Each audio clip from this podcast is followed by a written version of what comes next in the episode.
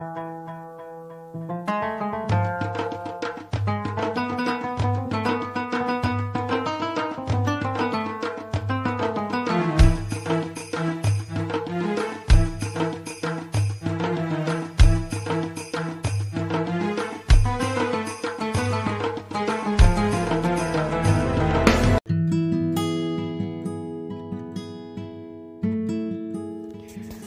Assalamualaikum warahmatullahi wabarakatuh. Innal hamdalillah nahmaduhu wa nasta'inuhu wa nastaghfiruh wa na'udzu billahi min sururi anfusina wa min sayyiati a'malina. Man yahdihillahu fala mudilla wa may yudlilhu fala hadiyalah أشهد أن لا إله إلا الله وحده لا شريك له وأشهد أن محمدا عبده ورسوله لا نبي بعده. اللهم صل على سيدنا محمد الفاتح لما أغلق الخاتم والحاتم لما سبق ناصر الحادي والحادي إلى صراطك المستقيم وعلى آله حق قدره ومقداره العظيم. amma ba'an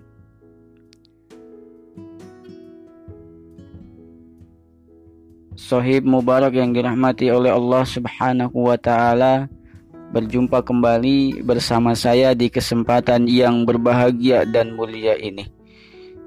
Mudah-mudahan di kesempatan yang berbahagia dan mulia ini kita semua dalam keadaan sehat walafiat, tidak kurang suatu apa pun.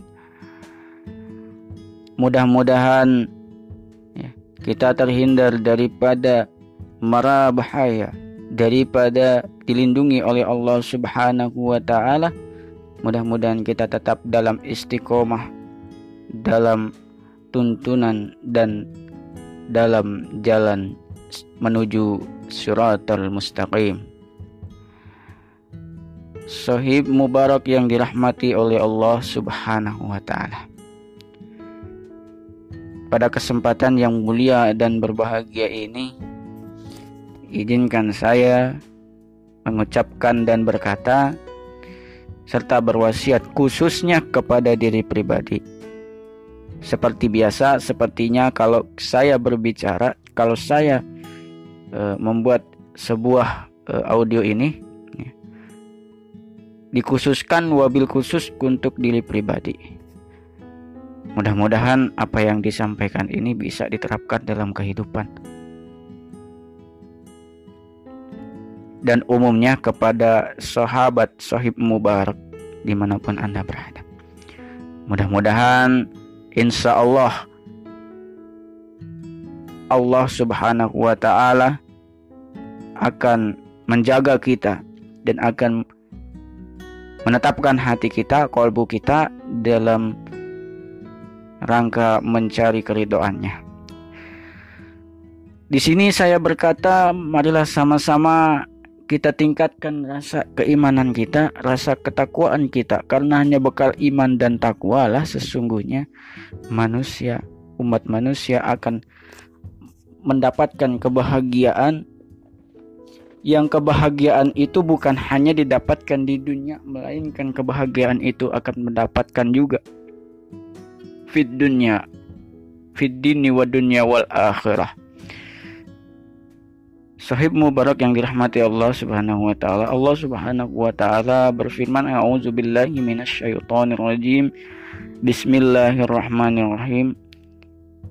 Ya ayyuhalladzina amanu taqullaha haqqa tuqatih wala tamutunna illa wa antum muslimun Sadaqallah Sadaqallahu wa sadaqa rasuluhun nabiyul karim. Wa nahnu ala dzalika minasyahidin wa syakirin walhamdulillahi rabbil alamin. Alhamdulillah puja dan puji serta syukur marilah kita aturkan kepada suri dan kita kepada Allah Subhanahu wa taala yang mana di kesempatan yang mulia dan bahagia ini kita masih bisa menikmati hari yang indah masih bisa menikmati indahnya kehidupan ini, bisa menikmati rezeki yang diberikan olehnya. Ya, banyak. Ya, kalau kita menghitung-hitungnya itu barang tentu belum sampainya kita bisa menghitung-hitung nikmat yang telah diberikan. Yang paling kecil aja nikmat nafas kita. Detik per detik, menit per menit, jam per jam bahkan di setiap hari kita menjalani kehidupan ini pasti kita mendapati yang namanya menghirup udara. Ini yang diberikan oleh Allah Subhanahu wa taala, rezeki yang kita sang, yang kita dapatkan. Orang menganggap bahwasanya rezeki yang didapatkan itu hanyalah berupa harta misalnya. Kemewahan-kemewahan dunia itu yang disebut dengan yang namanya rezeki. Itu menurut orang-orang menurut mereka-mereka yang mengatakan atau mendahulukan hal mendahulukan keduniawian, mendahulukan kemewahan dunia hanya dipakai untuk mengatakan bahwa itu adalah rezeki yang didapatkannya. Padahal rezeki yang diberikan oleh Allah Subhanahu wa taala bukan hanya merupakan kemewahan dunia saja, akan tetapi rezeki yang diberikan Allah begitu sangat banyaknya, begitu sangat beragamnya. Kehidupan ini juga berupa rezeki yang telah diberikan oleh Allah Subhanahu wa taala kepada kita tentunya. Yang paling utama dan yang lebih utama adalah nikmat sehat walafiat. Sebab kalau kita sehat, beribadah pun enak. Beribadah pun tenang rasanya. Kemudian yang kedua, nikmat yang paling utama dan yang lebih utama ialah nikmat iman, nikmat Islam serta nikmat taufik dan hidayahnya. Jarang orang yang mendapatkan nikmat-nikmat seperti ini Ketika kita sudah mendapatkannya, sudah bawaan dari penciptaan. Ketika Allah menciptakan kita, kita dilahirkan dalam keadaan Islam, dalam keadaan beriman, dalam keadaan bertakwa dan mendapatkan hidayah Allah untuk selalu mengikuti jejak dan perintah-perintah kebaikannya dan menjauhi segala apa-apa yang telah diperintahkan untuk dijauhi atau dilarang oleh Allah Subhanahu wa taala. Yang haram dijauhi, yang halal marilah kita laksanakan. Begitupun yang wajib sampai-sampai kalau bisa yang sunnah pun dilaksanakannya. Salawat beserta salam semoga tercurahkan kepada suri teladan kita kepada uswatun hasanah kita habiban al kita ialah Rasulullah Shallallahu Alaihi Wasallam yang telah mengajarkan kita berupa akhlak-akhlak yang mulia, berupa ilmu yang bermanfaat, dan petunjuk yang paling utama adalah petunjuk kepada cahaya ilahi Rabbi, yaitu dengan cahaya Islam. Dan dengan tentunya mencapai kebahagiaan kita yaitu dengan jalan menuju suratul mustaqim jalan yang lurus yang insya Allah akan mendapatkan surganya. Mudah-mudahan berkat sunnah-sunnah yang insya Allah akan senantiasa kita mencoba belajar untuk melaksanakannya untuk menjalankannya. Insya Allah mudah-mudahan kelak di yaumil kiamah kita akan mendapatkan syafaatul uzma oleh Rasulullah sallallahu alaihi wasallam. Amin ya rabbal alamin. Sahib Mubarak yang dirahmati oleh Allah Subhanahu wa taala. Pada kesempatan yang mulia dan berbahagia ini saya akan membicarakan tentang sebuah ibadah yang ibadah ini apabila kita laksanakan tidak perlu ruang dan waktu tidak perlu tempat, tidak perlu ya. hanya kita ya, mau atau tidak melaksanakannya, hanya kita sanggup atau tidak melaksanakannya. Ini amalan yang sangat ringan, yang sangat mudah namun mudah juga diterima oleh Allah Subhanahu wa taala. Ketika kita mengamalkannya, salahnya pun masih diterima oleh Allah Subhanahu wa taala. Apalagi ketika kita serius dan benar melaksanakannya. Lebih diterima oleh Allah Subhanahu wa taala yaitu ibadah yang dilaksanakan ini ialah kecintaan kita kepada Rasulullah Shallallahu Alaihi Wasallam dengan mengucapkan atau dengan melaksanakan ibadah yang namanya bersolawat, saudara-saudara. Jadi bersolawat ini adalah salah satu ibadah yang apabila kita melaksanakannya ini berbuah pahala yang cukup banyak. Tidak memerlukan ruang dan waktu, tidak memerlukan tempat di mana pun kita bisa melaksanakannya. Mengucapkan sholawat itu ringan, tapi kadang berat kita laksanakannya.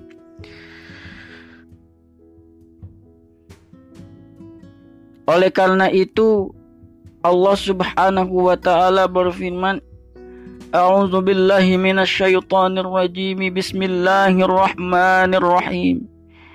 Innallaha wa malaikatahu yusalluna 'alan nabi. وملائكته يصلون على النبي يا أيها الذين آمنوا صلوا عليه وسلموا تسليما Allah subhanahu wa ta'ala ya, mencontohkan bahkan melaksanakan bersama dengan makhluk-makhluk langit yaitu para malaikat-malaikatnya untuk bersolawat kepada Rasulullah Shallallahu Alaihi Wasallam. Saking mulianya baginda Rasulullah, maka namanya disandingkan bersama dengan nama Allah Subhanahu Wa Taala. Di saat itu, pada saat penciptaan, ya, pada saat Nabi Adam alaihissalam berada masih dalam berada dalam surganya Allah di, di, di, di pintu-pintu surganya salah satunya ya belum ada Rasulullah Wasallam di muka bumi belum ada sosok ya, manusia yang bernama Muhammad Rasulullah Shallallahu Alaihi Wasallam. Ini Ahmad bin Abdullah ya, bin Abdul bin Abdullah ya. Belum ada di muka bumi ini. Belum ada di alam ini. Tetapi namanya ya, tercantum namanya disandingkan dengan nah, nama beliau disandingkan dengan nama Rasul dengan nama Allah Subhanahu wa taala. La ilaha illallah Muhammadur Rasulullah. Di situlah ya Adam alaihissalam atau Nabi Adam bertanya kepada Allah dan Allah mengatakan walaupun sosoknya belum ada, raganya belum ada, jiwanya belum ada, belum diciptakan, tetapi sudah ada cahayanya karena Rasulullah itu diciptakan. Dari ya kalau kita manusia diciptakan dari tanah. Tetapi Muhammad Rasulullah kemuliaannya. Walaupun dia juga beras. Walaupun beliau Shallallahu Alaihi Wasallam juga adalah sosok manusia tetapi cahaya beliau sudah ada sebelum beliau datang ke alam dunia ini. Itulah kemuliaan beliau.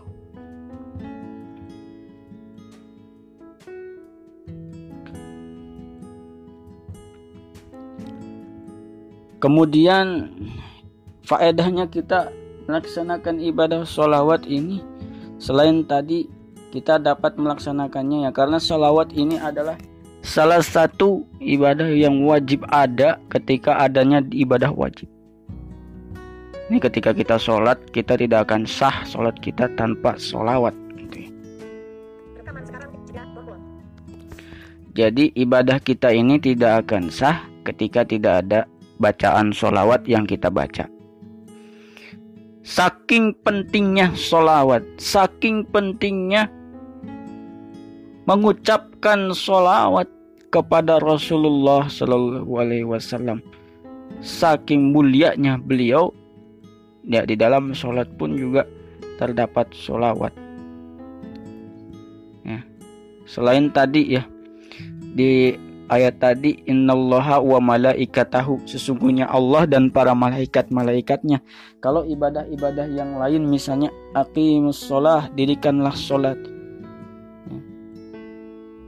ikraul quran ya, bacalah Quran. Ya, misalnya ketika di dalam eh, perintah-perintah uh, Allah ya ketika di dalam perintah-perintah Allah itu ketika sholat aqimus sholah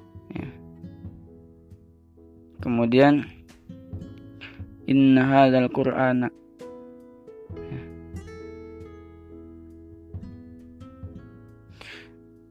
Maka perbanyaklah e, berzikir dengan mengingatnya. Perbanyaklah dengan membaca-baca ayat-ayatnya. Nah ketika itu ya siapa yang membutuhkan dan siapa yang menginginkan ibadah-ibadah tersebut tentunya adalah kita sebagai hamba. Allah Subhanahu wa taala tidak menginginkan ibadah-ibadah kita. Bahkan Allah tidak akan rugi apabila kita tidak melaksanakan ibadah tersebut. Akan tetapi kitalah yang akan merugi di hadapannya sebab ya, kita telah gagal dalam kehidupan ini dan merugi dalam kehidupan ini. Akan tetapi ibadah yang satu ini Allah menunjukkan Innallaha wa malaikatahu yusalluna 'alan nabi. Sesungguhnya Allah dan para malaikatnya lebih dahulu melaksanakannya gitu ya.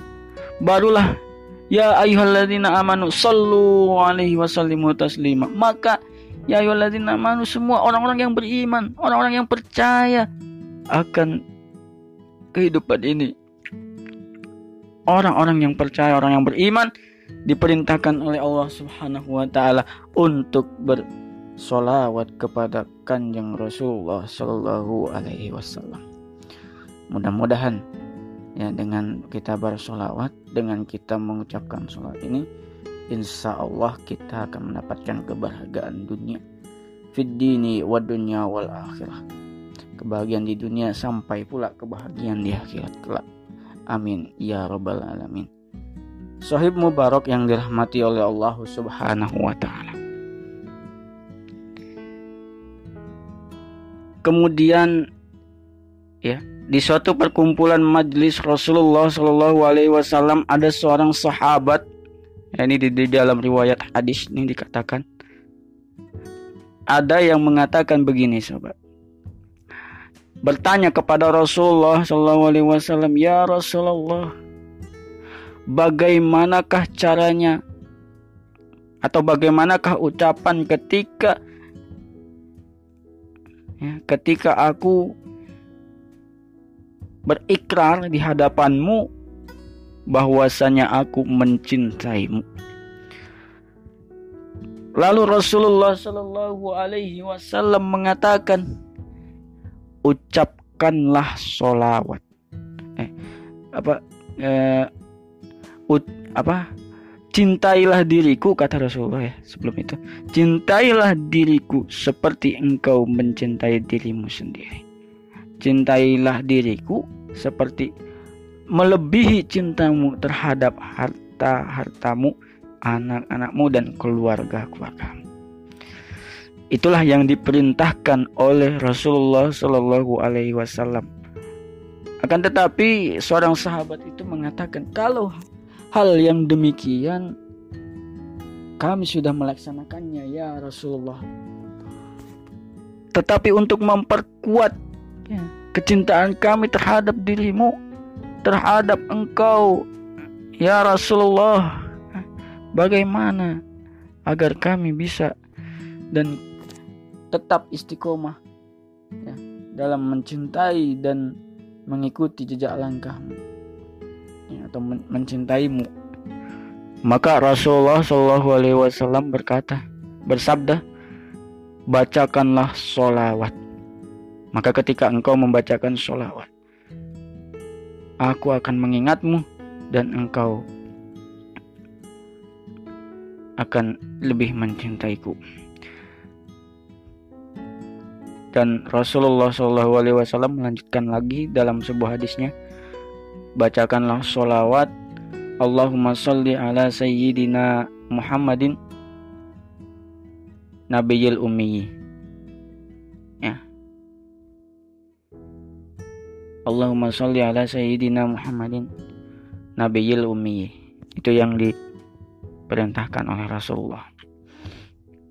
Ada riwayat yang mengatakan ketika membacakan solawat ini ya sebanyak 83 kali.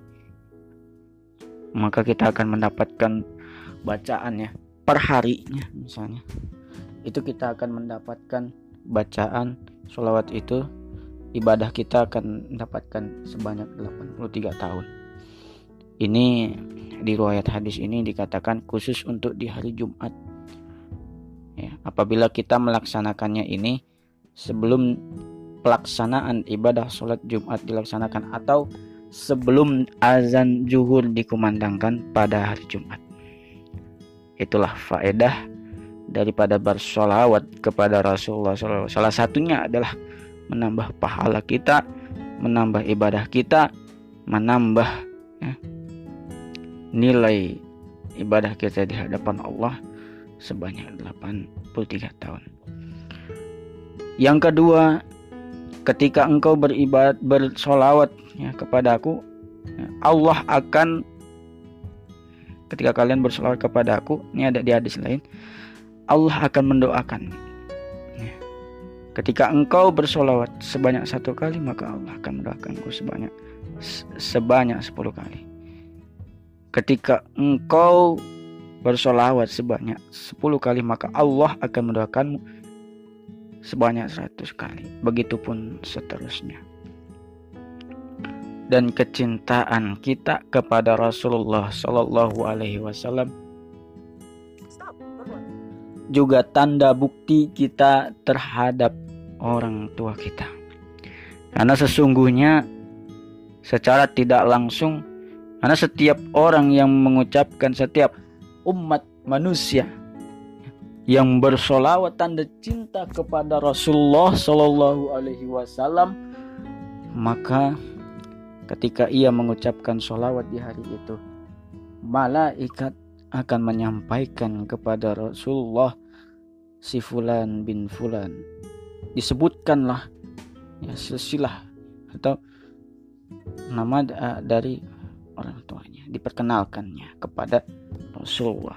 Tanda bakti kita terhadap orang tua kita inilah faedah sholawat ada kisah yang menarik nih sebelum saya akhiri kesempatan kali ini ya. Ada kisah yang menarik di sebuah negara zaman dahulu di sebuah negara Arab ya kalau tidak salah. Itu ada seorang ibu yang mendatangi seorang syekh atau guru gitu ya di tempat itu pada saat itu. Seorang ibu ini menceritakan bahwa mempunyai seorang anak gak, uh, eh, perempuan ya yang telah meninggal dunia dan ingin meminta amalan agar ia bisa menemui anaknya tersebut yang telah meninggal dunia itu walaupun dengan mimpinya saja. Kemudian guru tersebut atau syekh tersebut meminta me, berdoa kepada Allah Subhanahu wa taala, mohon petunjuk dan diberikanlah satu amalan kepada seorang ibu tadi. Pulanglah seorang ibu itu. Lalu seorang setelah seorang ibu itu pulang, ia mengamalkan apa yang diberikan oleh seorang syekh dan guru tersebut.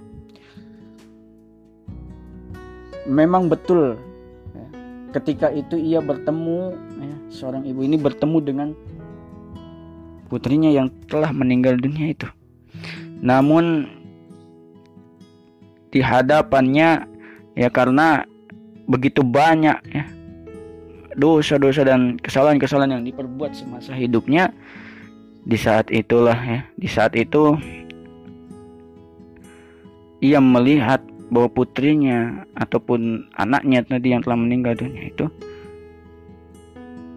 dalam keadaan disiksa wajahnya pucat pakaiannya tidak enak dipandang.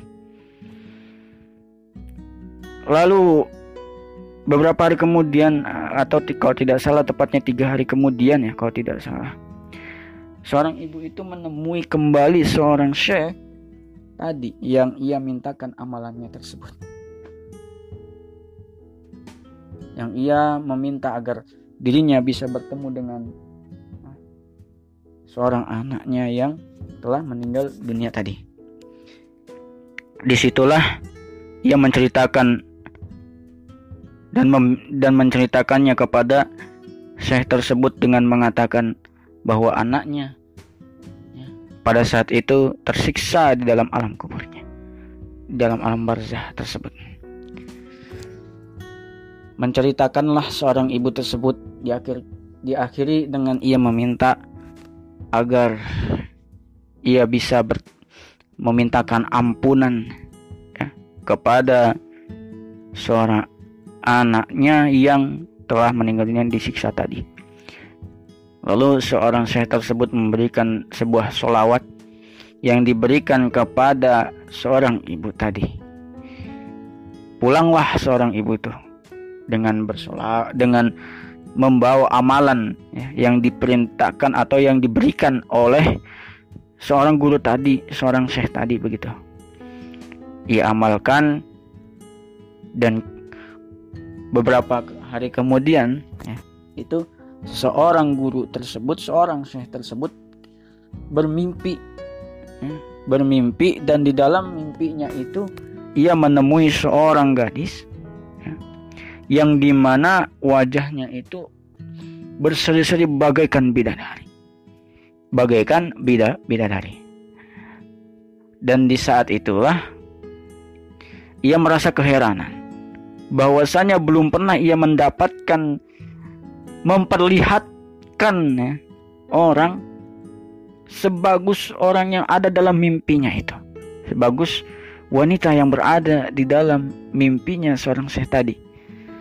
Lalu bertanya seorang syekh tersebut kepada wanita tersebut.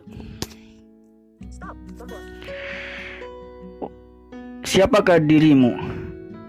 Sesungguhnya semasa aku hidup di dunia ini belum pernah aku melihat orang yang memiliki wajah sepertimu dan berpenampilan seperti dirimu. Lalu seorang wanita tersebut berkata, "Apakah engkau ingat seorang ibu yang meminta amalan agar menemui anaknya dalam mimpinya, walaupun hanya dalam mimpinya?" Ya. Aku adalah eh uh, Iya, kata seorang saya tadi. Memang pada pada waktu itu ada yang mendatangiku untuk memintakan amalan kepadaku. Lalu seorang uh, wanita tersebut berkata, "Sesungguhnya akulah anak dari seorang ibu tadi yang engkau berikan amalannya, yang engkau berikan amalan untuk agar ia dapat bertemu dengan anaknya walaupun hanya dalam mimpinya saja. Kemudian yang terakhir karena masih penasaran ya, masih heran gitu. Syekh tersebut ber, mengatakan, "Bukankah engkau adalah dahulu ya, yang ketika bertemu itu yang ketika diceritakan engkau adalah seorang yang bermuka pucat nampak seperti orang yang sudah tersiksa di dalam alam kuburnya. Ya, kata seorang wanita tersebut berkata, memang dahulu aku disiksa oleh para malaikat akibat perbuatanku dahulu di dunia. Akan tetapi suatu hari ada seseorang yang berjalan dan melewati perjalanannya itu melewati ya, makom komplek pemakaman kami. Komplek pemakaman kami. Di saat itulah ya, di saat melewati makom kami komplek pemakaman itu seseorang itu mengucapkan sholawat kepada Rasulullah Sallallahu Alaihi Wasallam dan ia berhenti dengan bersolawat dan setelah itu ia berdoa mohon ampunan kepada Allah Subhanahu wa taala untuk mengampuni siapa-siapa saja orang para ahli kubur yang berada di komplek pemakaman tersebut. Seketika itulah Allah Subhanahu wa taala mengampuni dan seketika itu Allah memberikan keringanan dan membebaskan dari azabnya yang saat itu yang saat itu dimintakan oleh para orang yang bersolawat dan berdoa tadi. Sahib Mubarak yang dirahmati oleh Allah Subhanahu wa taala. Demikianlah kisah tersebut mudah-mudahan bisa menjadikan inspirasi bagi kehidupan kita.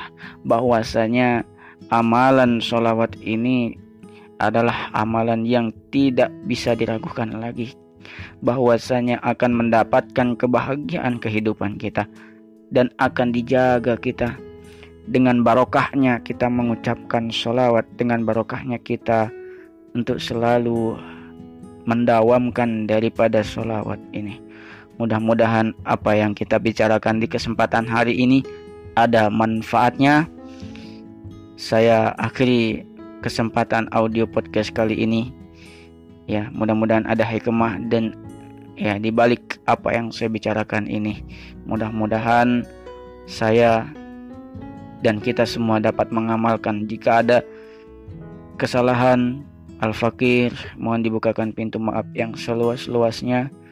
Jika ada kesalahan kesalahan-kesalahan baik dari perkataan ataupun dari dalil dalil-dalil yang dibawakan ketika ada yang salah mohon dibukakan pintu yang seluas-luasnya. Jika semua ada kebenarannya itu datangnya dari Allah. Karena ilmu asalnya dari Allah apa pun itu berasal dari Allah dan akan kembali kepada Allah. Sesungguhnya ketika Allah memberikan sebuah ilmu kepada kita ia mudah pula mengambilnya daripada hadapan kita. Ketika kita mendapatkan ilmu tersebut, marilah kita amalkan, marilah kita sampaikan sedikit ya, walaupun ya sulit kita menyampaikannya, walaupun pahit rasa ketika kita uh, menyampaikannya. Demikianlah sahib mubarak yang dirahmati Allah Subhanahu wa taala. Sampai segini dulu kesempatan kita pada hari ini. Mudah-mudahan kita dapat berjumpa kembali ya jika Allah mengizinkan kita akan berjumpa kembali di lain kesempatan wallahu a'lam bissawab fastabikul khairat Assalamualaikum warahmatullahi wabarakatuh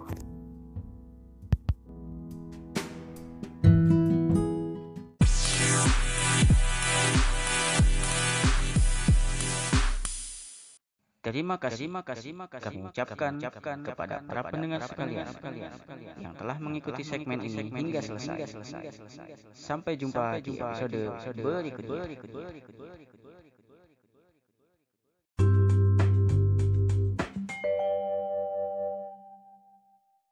Terima kasih, terima kasih, kami ucapkan, ucapkan kepada para pendengar sekalian, yang telah mengikuti segmen ini hingga selesai. Sampai jumpa di episode berikutnya.